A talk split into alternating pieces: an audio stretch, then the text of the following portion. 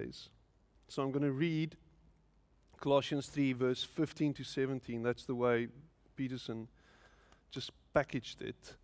Didn't go with the traditional verse placements of the normal Bibles, the King James, for instance.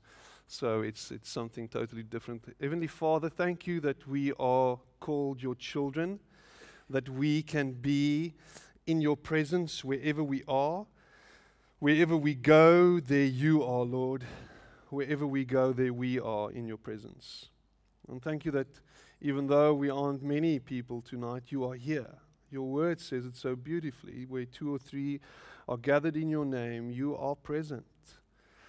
And Lord, we thank you for your presence. Thank you that you're not looking down on us from some distance, from some far off planet, as some traditions believe, but you are here.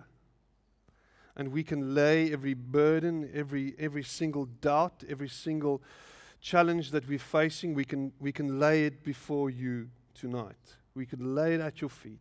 And that's what we're doing. We're not thinking of tomorrow and the, and the rest of the week that lies ahead. We are thinking of this moment and just being present here. Speak to us, move in our hearts, change us, Lord. And I pray this in Jesus' name. Amen. So let's, let's start with Colossians 3, verse 15 to 17, and then let's see where the next hour and a half takes us. Let the peace of Christ keep you in tune with each other, in step with each other. I love this. I love a peace, the, the, the, the, statement of let the peace of Christ keep you in tune with each other, in step with each other. We can so easily drift out of tune with each other, and you see, see so much division in Christianity and in churches even. But let the peace, let the peace of Christ keep you in tune with each other, in step with each other. In other words, I hear you. Are you hearing me? I hear you say, Do you hear me say? And we resolve our issues by the peace of Christ. None of this going off and go doing your own thing and cultivate thankfulness. Let the word of Christ, the message, have the run of the house. Give it plenty of room in your lives. Instruct and direct one another using good common sense. And sing, sing your hearts out to God. Isn't that beautiful? That language, the use of language. Are we singing our hearts out to God? Hopefully, not only on a Sunday. Hopefully, you're singing your your praises out to God. Hopefully, that is a way of life for you. Are you singing your hearts out? Not to the tune of Miley Cyrus, I hope, but to some other tune, to your heart song, and the thankfulness that you have, the gratefulness that you have. And sing, sing your hearts out to God. Let every detail, this is beautiful, let every detail in your lives, words actions, whatever, be done in the name of the Master, Jesus, thanking God the Father every step of the way. I'm going to read that last, that's verse 17. Let every detail in your lives, words, actions, whatever, oh. words, actions, whatever. Does that maybe include thoughts? Maybe your thoughts as well. I would think so because your thoughts lead to actions and words. Everything, in other words, be done in the name of the Master Jesus, thanking God the Father every step of the way. Now, rating your week from 1 to 10, did you get that right this past week? Was that something that you actually could say was true for you this week?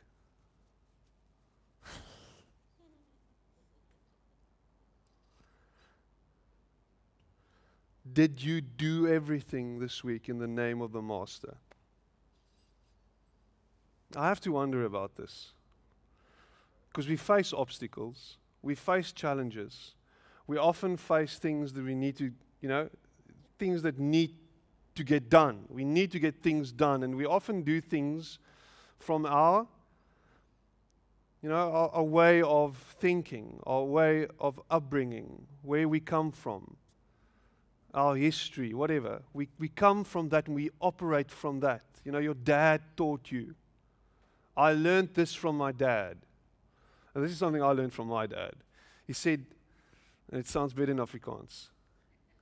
Moenie eerste. It's a beautiful thing to say. now, I mean, it's and if you know me from school, I was the scrawny little pipsqueak with blonde hair. Mamma se seentjie, dit was regtig crazy. Nou moenie moenie terugslaan nie, slaan eerste. Dit maak nie sin nie. I mean, as ek eerste geslaan het, was ek dood. So ek het net weggehardloop. Dit dit dis dis al wat ek kon doen. That's all I could do. Is just run away. I'm not going to face this thing. I once tried to hit Philip. I don't know why, but he upset me. He sat next to me in class and I said, I'll see you at break time. And then we'll sort this out. And he was saying, What? What do you mean we'll sort this out? He was like a he was like a head taller than I was, and he was like a big guy. And I said, I'll sort this out. You're irritating me, and I'm going to show you. And evidently, I didn't show him. I just, it just didn't work out the way I envisioned it. But I, I mean, and I wonder if, if our lives wouldn't look different if we started doing things in the name of Christ, in the name of Jesus. If you do something in the name of someone, you have power of attorney. No? This one, this, the, you have power to do and operate in the name of the law. You know, Judge Dredd, I am the law. You do something on behalf of someone.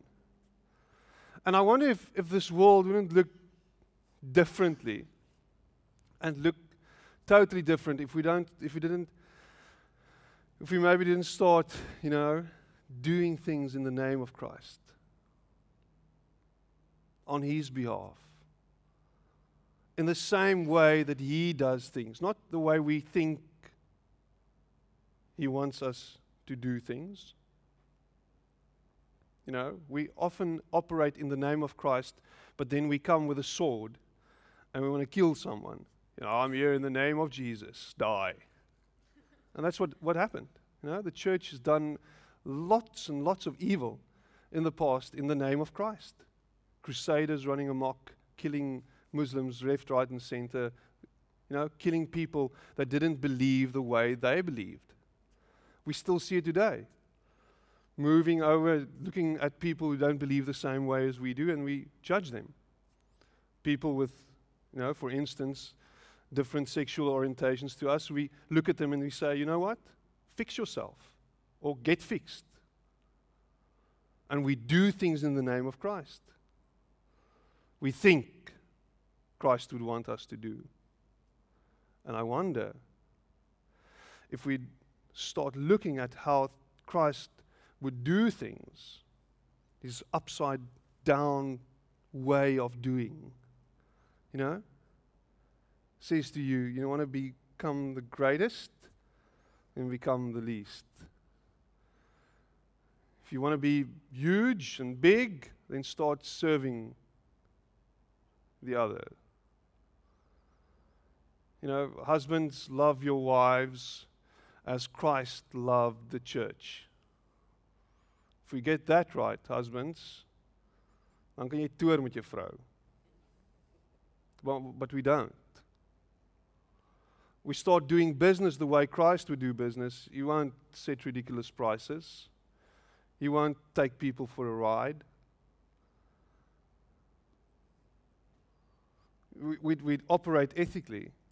We'll pay our taxes the way we should if we do things the way Christ would do them. We discipline our children, not from anger and the own, our own hurts. We discipline them from forgiveness and grace and love. Tough things you are talking about, Piet. One of the things that Jesus said, which that's what I re- prepared for tonight was uh, the Sermon on the Mount. I don't know if you know the Sermon on the Mount. We have a we have different different versions of it, but the the most would I say prominent version of the Sermon on the Mount would be uh, Matthew 5 to Matthew 8. And Matthew 5, the first 12 verses is the, the Beatitudes, Beatitudes or Beatitudes or Saligsprekinge. And when, when you read that, you see the kingdom of God the way Jesus sees it. And it's different to the way we see his kingdom. Because if you read this, and we're going to read this now, we see that blessing and the way Jesus sees blessing is different to the way we often see blessing. If I ask you if you are blessed, you'll say, I think I am, and you'll give reasons why you are blessed. The reasons you'll give would be reasons like I have food on my table, I have money in the bank, I have a car, I have a house, I have children, I have my health. Hey? That, that, those are blessings. That's the way we see blessing. It often materializes in material things. Blessing for us, we want to see and we want to touch. If you're in America, let's make America great again, it's all about wealth. That's what God's blessing is equated to wealth. So the rest of the world, sorry for you, you don't, you're not seeing God's blessing. And the third world theology is also a theology of if you are blessed, then it will show. You'll see it on someone. You'll see the wealth. You'll see the affluence. You'll see God's blessing. One of my mentors, and I've, I've told this story before, is a, he's a guy by the name of Tom Smith. He had to do a, a, a, a funeral in, um, in Transkei, and he went there in his Golf, his dilapidated Golf 1, and on his way to the graveyard, after having done the service at the church, he drives through a pothole and his bumper falls off. The car's fender or bumper falls off. There's a, there's a difference there, isn't there? Fender and a bumper. But it's the bumper that fell off on a Golf 1. You know what it looks like. And next to him stops this, this preacher in his German saloon. And he says, You know what? This car of yours, this car, is not doing the gospel well you are not a good example of the gospel. Because the gospel, according to him, is will lead to material wealth and blessing. And his only reply was, Well, I obviously don't read the same Bible that you read then. Which really offended the guy. But Jesus' view of blessing was a, was a different view, and I'm going to share it with you, and, and maybe this will just broaden our outlook on our own life. And, look, and, and if you look at your own life, you'll, you'll start seeing that we are blessed beyond measure. We are blessed out of our minds. We are ridiculously blessed. But there's a different kind of blessing that we often don't look at and we don't see and we, we miss something beautiful. And this is Matthew 5. You're blessed. When Jesus saw his ministry drawing huge crowds, he climbed a hillside, and those who were apprenticed to him, they, the committed, climbed with him. Arriving at a quiet place, he sat down and taught his climbing companions. And this is what he said You're blessed when you're at the end of your rope. With less of you, there is more of God and His rule. Just think about that for a moment. You're blessed when you feel you've lost what is most dear to you. Only then can you be embraced by the one most dear to you. You're blessed when you're content with just who you are, no more, no less. That's the moment you find yourselves proud owners of everything that can't be bought. You're blessed when you've worked up a good appetite for God, His food and drink in the best meal you'll ever eat. You're blessed when you care. At the moment of being careful, you find yourselves cared for.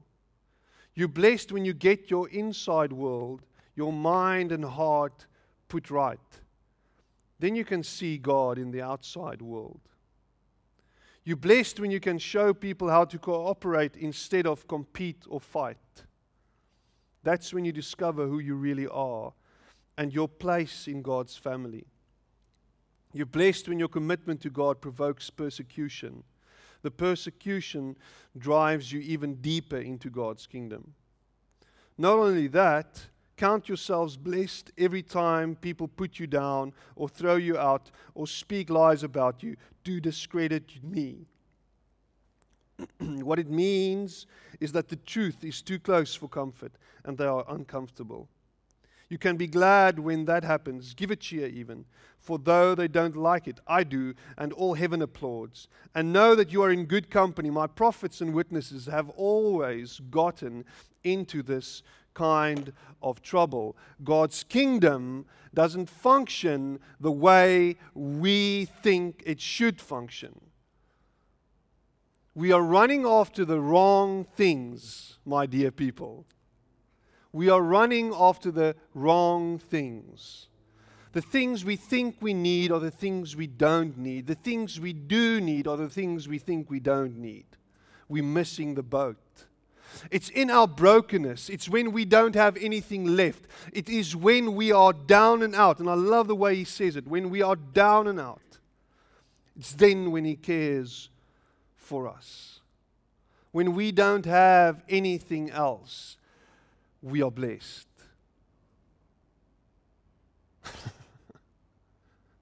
so, so what now? So, so what are we missing? I think this, this heavenly mindset is a mindset that we need to look after and go after. A mindset that says, Lord, this, these things that we look at that we think are important, we want to we just want to let go of that. The moment the, think, the things we think are important loses its grip on us, that is the moment real life starts. That is the moment when we can live in His blessing. That moment where we, where we, where we lose the need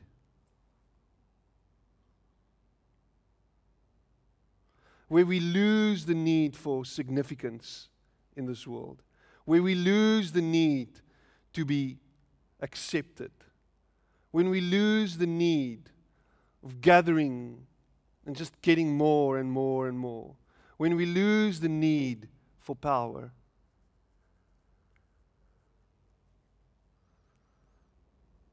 That's why this world is so messed up. We all run after things like power and fame and fortune and money and greatness. I just want to be famous. I want to be famous. I want to be YouTube celebrity. And if I'm a YouTube, if I have one million views, then I, you know, if you have a certain amount of views on YouTube, they start paying you. You start getting money. So Go viral, please. Then you can start tithing in church. I mean, people think, you know, if I'm, if I'm famous on YouTube, then I've arrived or something. Then, then people look differently at me and, and I'll, have, I'll have significance in this world. If you can let go of that, if you, can, if you can start finding peace in who God made you to be, look, your, look at yourself in the mirror and say, you know what?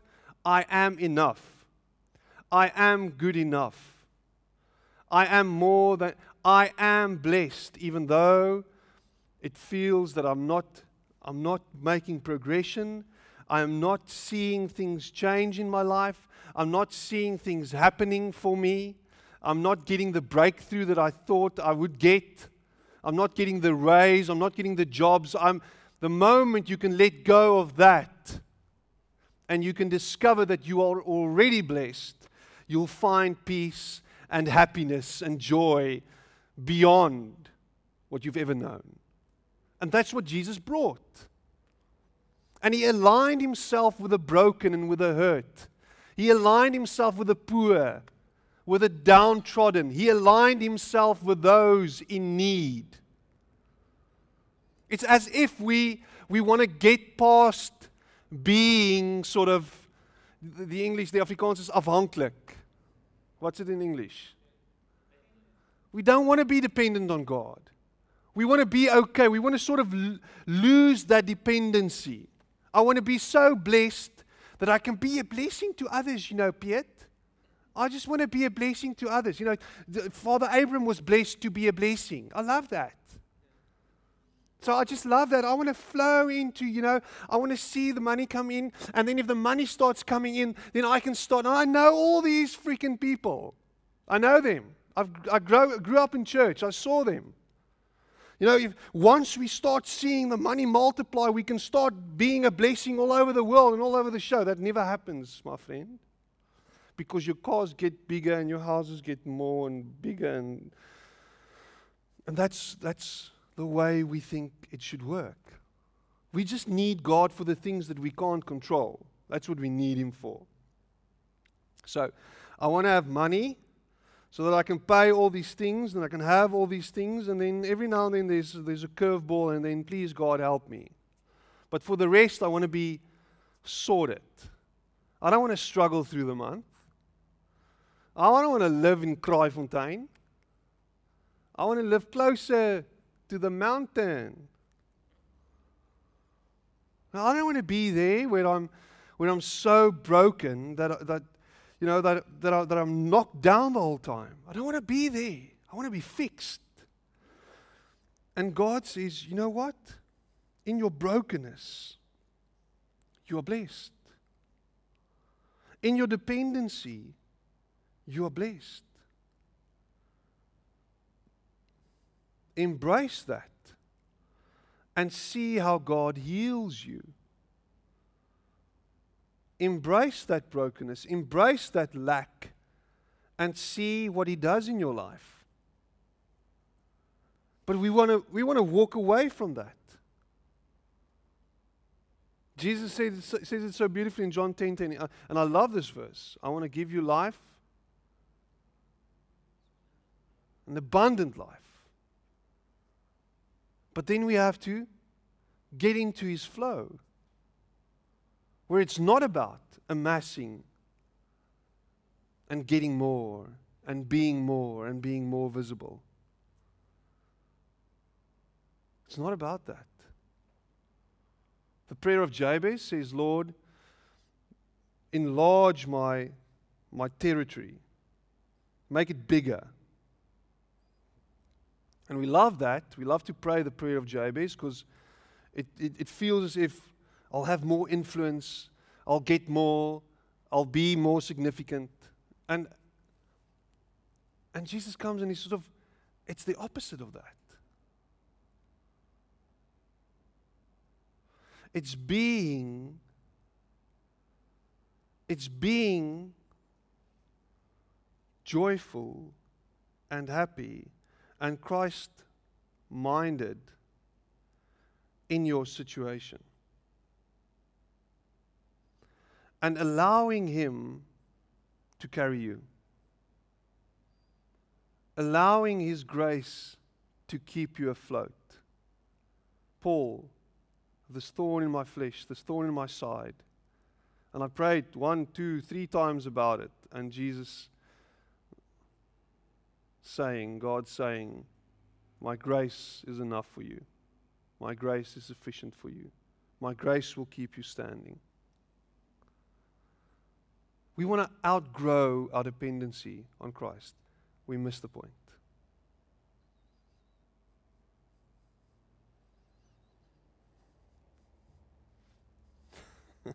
Am I making sense? Because I'm not supposed to. It's not supposed to make sense. It's supposed to be one of those things that you say to yourself, Lord, I don't know how to, f- it just, just doesn't make sense. It's, it's unfathomable. It's, it's, it's, it's ridiculous. And God's kingdom is ridiculous. So, how do I make sense of this? And I'm, and I'm finishing with this. How do I make sense of this? Is your pain and your brokenness? Have you thanked God for that? Have you, have you thanked Him for that? Have you thanked Him for your affliction?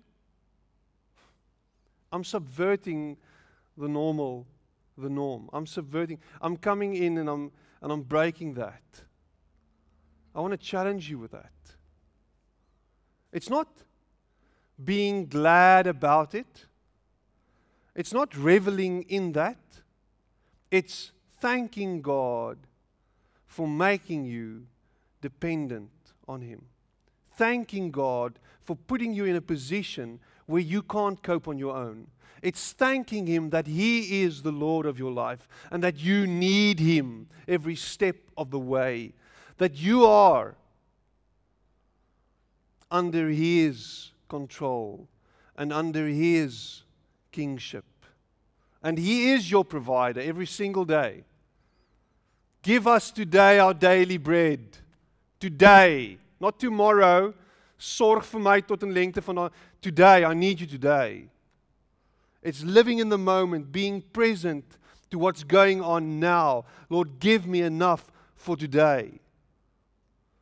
Lord, help me through this day. Lord, carry me to the end of the day so that we can all we can start it all over tomorrow. It's going through the motions and trusting him to look after you, trusting him to protect you. This is a life of victory. This is the life, the abundant life, the life that does not necessarily make sense. You know, I've, my whole life I've struggled with, and I've, you know my story, some of you m- might not, but I've struggled with eczema. And um, it's gotten better and then it's gotten worse. And as I'm standing here tonight, um, most of my body is semi fine. My skin is sort of fine, but you can't see. There are some places where it's terrible. And I've asked God about this lots of times. Why? Why? Why? Why? Why? Why? Why haven't I been healed? My dermatologist said that when I was seven or eight years old, you'll probably, you know, outgrow it. So just keep hanging on. It'll it'll be fine. But if I don't, if I don't apply ointment and cream every single day, my, my, my skin just in, gets inflamed. And I've done everything. I've changed my diet. I've had injections. I've had pills. I've had cortisone coming out of my ears. And I'm still not healed.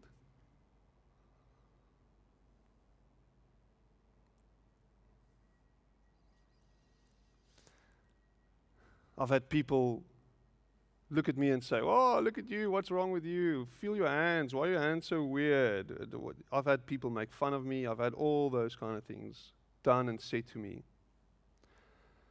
And it shaped me in the person that I am today.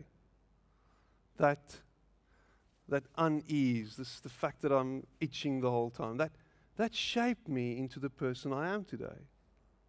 And if I think about the way God formed me and shaped me, do I thank Him for that? I don't often thank Him for my eczema. Come to think of it, it's not on my list of things that I'm thankful for. It's really irritating and looking at my kids and seeing them break out into some eczema episodes every now and then irritates the crap out of me. And I sort of get angry at God every now and then. Just please don't. Don't, don't put that burden on them. Please, God. But every single day, I need to come to Him and come to terms with the fact that He made me this way. Not the devil. devil doesn't have any dominion and power over me. This is the way God made me. And am I thanking Him for what I've been dealt, the hand I've been dealt? Wow, this is weird, Piet. I don't agree with you. Am I dependent on Him every single day? Am I looking, him, uh, looking at Him for my provision in every facet of my life? Is this maybe a reminder that I need to look to Him every single day to keep me standing, to keep me going forward? A reminder of the fact that I cannot on my own I cannot on my own. I need Him as my Savior every single day. And because of that, I'm blessed. I'm blessed. The blessing doesn't depend on me, doesn't depend on a little nursery rhyme that I keep saying for myself. It doesn't depend on positive thinking. It's got nothing to do with following some ridiculous recipe or doing some things to get God's blessing. Nothing. Nothing, nothing at all. The blessing is from Him. And I receive it in my brokenness. When I go against the grain of this world, when I go against anything and everything this world tries to sell me. When I subvert the kingdom of this world and I follow the teachings and the leading of Jesus Christ. Let every detail in your lives, words, actions, whatever, be done in the name of the Master Jesus, thanking God the Father every step of the way. Thanking God the Father every step of the way. Thank you, Lord Jesus, that we can be here tonight. Thank you, Lord Jesus, that you have gathered us here, that you've brought us here. Thanking, thank you, Lord Jesus, that we have come so far.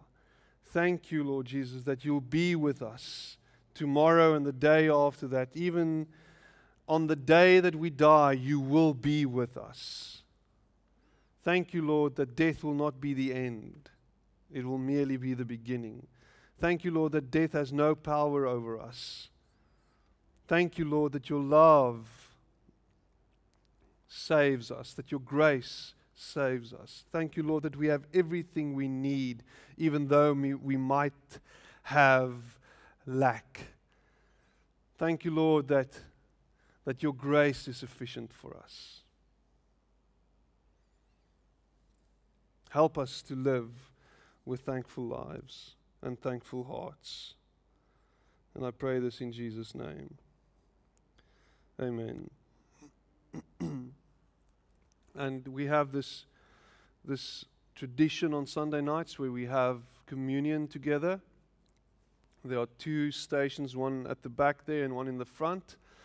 That's where we are reminded of the fact that we can't save ourselves, but that Jesus saves us. The fact that we need a Savior, and the fact that His blood and His body gives us strength and reminds of us uh, of our own of our own incompetence and our own inabilities and our own failures, but that He washes away all those iniquities and all those failings. He takes that away by His blood and by His love and His grace for us. So, be reminded of that and go have a seat somewhere in the auditorium and spend some time with Him. And you'll see some baskets as well. If you have money, please put it there. And then um, Ficus will come and close in prayer in about five minutes' time. Thank you.